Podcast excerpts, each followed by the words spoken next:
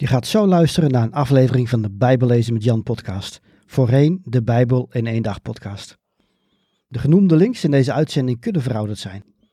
Kijk op bijbellezenmetjan.nl of in de omschrijving van deze aflevering voor meer informatie over hoe ik mensen en kerken kan helpen met het lezen, begrijpen en geloven van de Bijbel. Welkom bij de Bijbel in één dag podcast. Mijn naam is Jan Heijnen. Ik ben auteur van het boek De Bijbel in één dag. Ik geloof dat de Bijbel Gods woord is en dat we allemaal deel uitmaken van zijn verhaal. De Bijbel is ook een vreemd boek soms. Ik help christenen de Bijbel te lezen, te begrijpen en te geloven.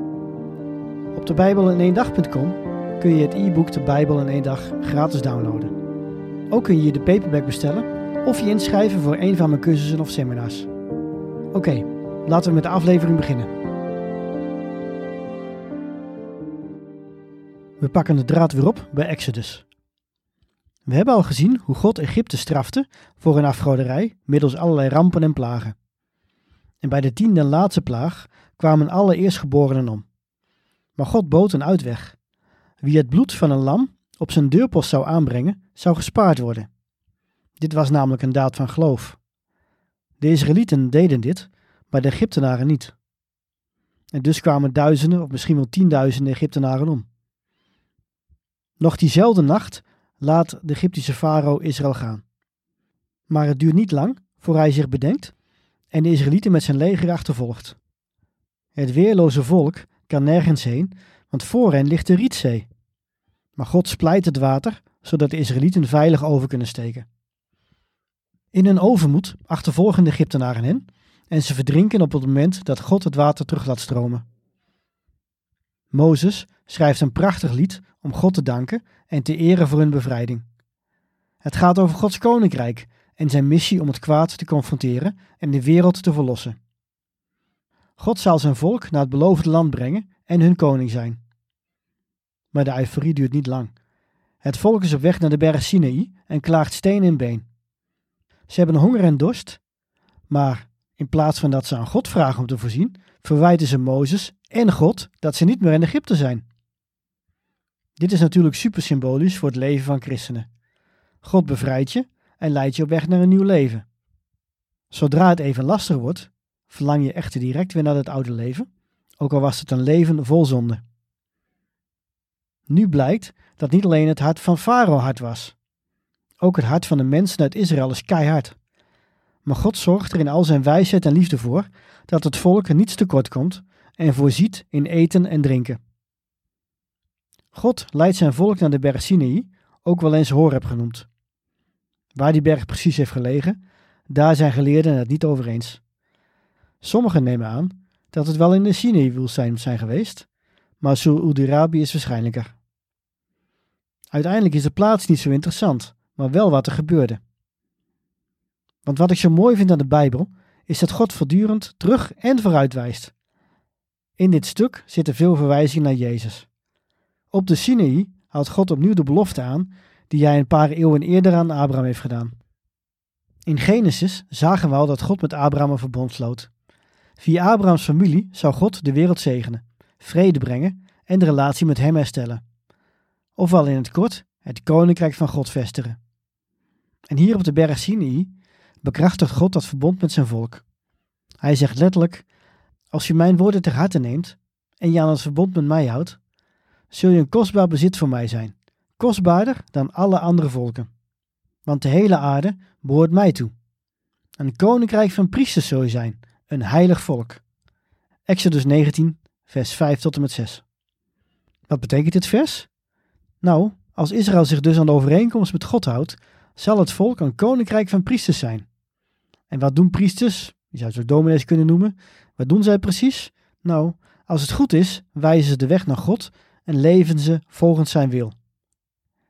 De Israëlieten worden de Gods vertegenwoordigers op deze wereld, mits ze zich aan Gods geboden houden. Maar wat zijn die wetten en bepalingen van God precies? Tot op dit moment in de Bijbel heeft God de mensen niet verteld wat zondig is en wat niet. Abraham, Isaac, Jacob en Jacob's zonen wisten het misschien instinctief wel. Zo pleegde Jozef geen overspel met de vrouw van zijn meester.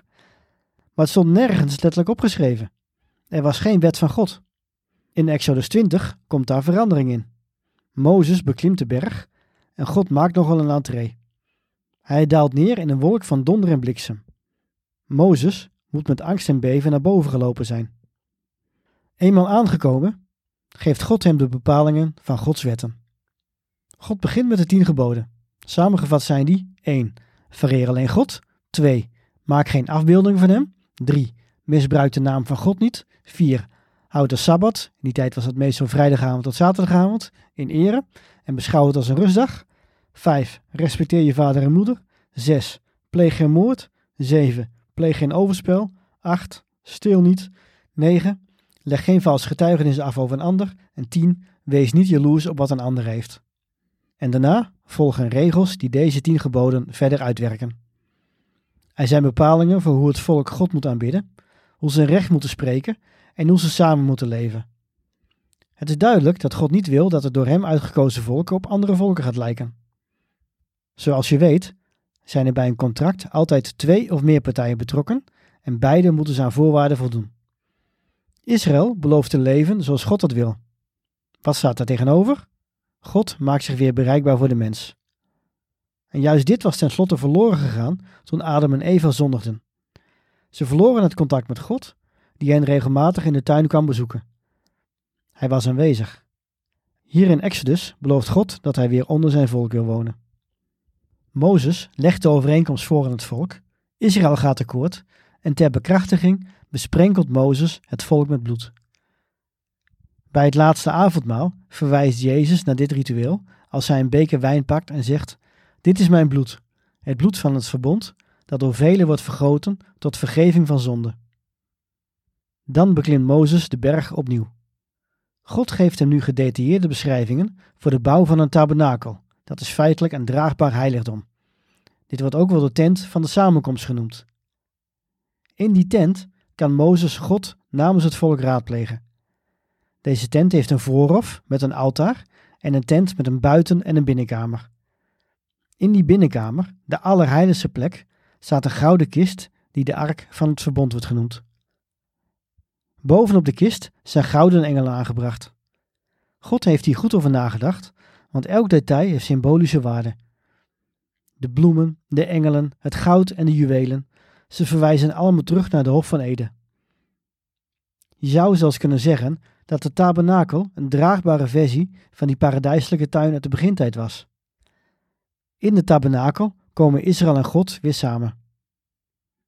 Maar terwijl God Mozes instructies geeft, gaat het onderaan de berg helemaal mis.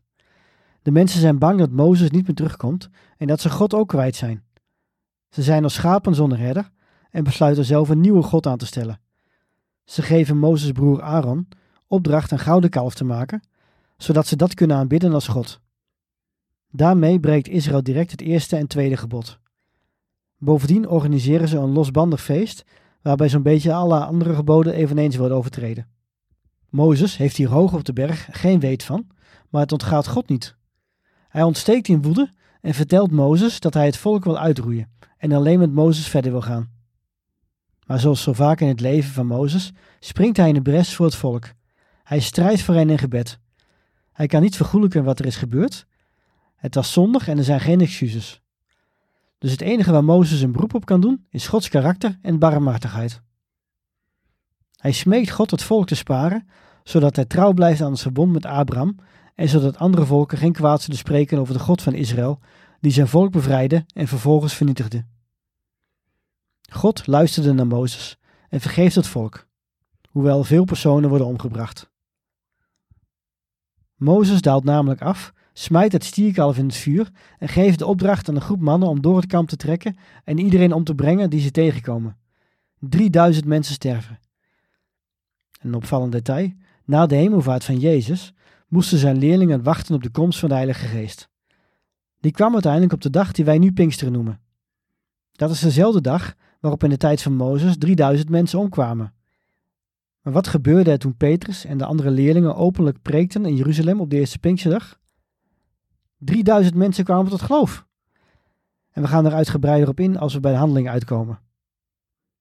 Nu eerst verder met Exodus. God draagt het volk op verder te trekken richting het beloofde land. Mozes verlangt naar Gods nabijheid op zijn reis en smeekt God of hij hem mag zien. God geeft toe, maar Mozes mag zijn gezicht niet zien, want dan zal hij sterven. Dan zegt God een van de meest mysterieuze dingen uit de Bijbel. Je kunt dit ook wel het raadsel van God noemen.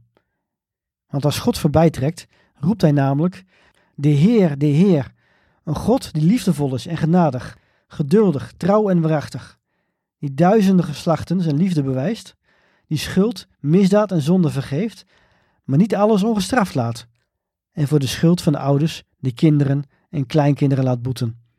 En ook het derde geslacht en het vierde. Exodus 34, vers 6 en 7. Hoe kan een heilige, rechtvaardige God zonde ongestraft laten? God is een God van genade en liefde, maar kan kwade dingen niet straffeloos laten gebeuren. Hoe kan God een moordenaar vergeven? Dat zou niet eerlijk zijn ten opzichte van de familieleden van het slachtoffer. Zo heeft iedereen zonde gedaan die niet vergeven kunnen worden. Pas als Jezus op het toneel verschijnt, wordt het raadsel echt opgelost. Dan blijkt dat Hij de straf draagt in onze plaats. Het kwaad wordt gestraft en er is vergeving mogelijk. God laat dus hier in Exodus als een trouw zien, ook al is het volk Israël trouweloos. God vernieuwt zijn verbond en geeft opdracht de tabernakel te bouwen en in te richten. Het Bijbelboek Exodus eindigt met Mozes, die probeert de tent binnen te gaan, en hij kan het niet. De glorie van God is namelijk neergedaald op de tabernakel. Overdag is een wolk zichtbaar en s'nachts een vuur. De zonden van Israël zorgen er echter voor dat er afstand blijft tussen God en de mensen.